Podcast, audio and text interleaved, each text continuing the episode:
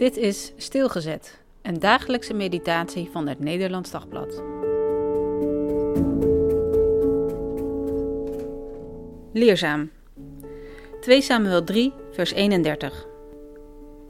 David zei tegen Joab en dienstmannen: Scheur je kleren, trek een rouwkleed aan en ga jammerend voor Abner uit. Abner is dood, door Joab vermoord met een zwaard dwars door de buik, als een duidelijke hint naar het moment dat Abner zijn speer in Asaels buik stak.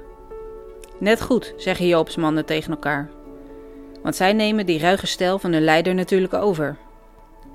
En dan staan ze voor koning David en diens felle ogen maken duidelijk dat hij deze stijl absoluut niet duldt. En dat hij elke vorm van wraakzucht zal uitbannen. Niet door zelf ook weer het zwaard te pakken, maar door hen te leren treuren over geweld.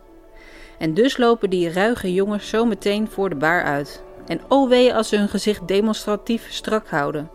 Nee, zij moeten luid opjammeren, de doden bewenen in telkens nieuwe woorden.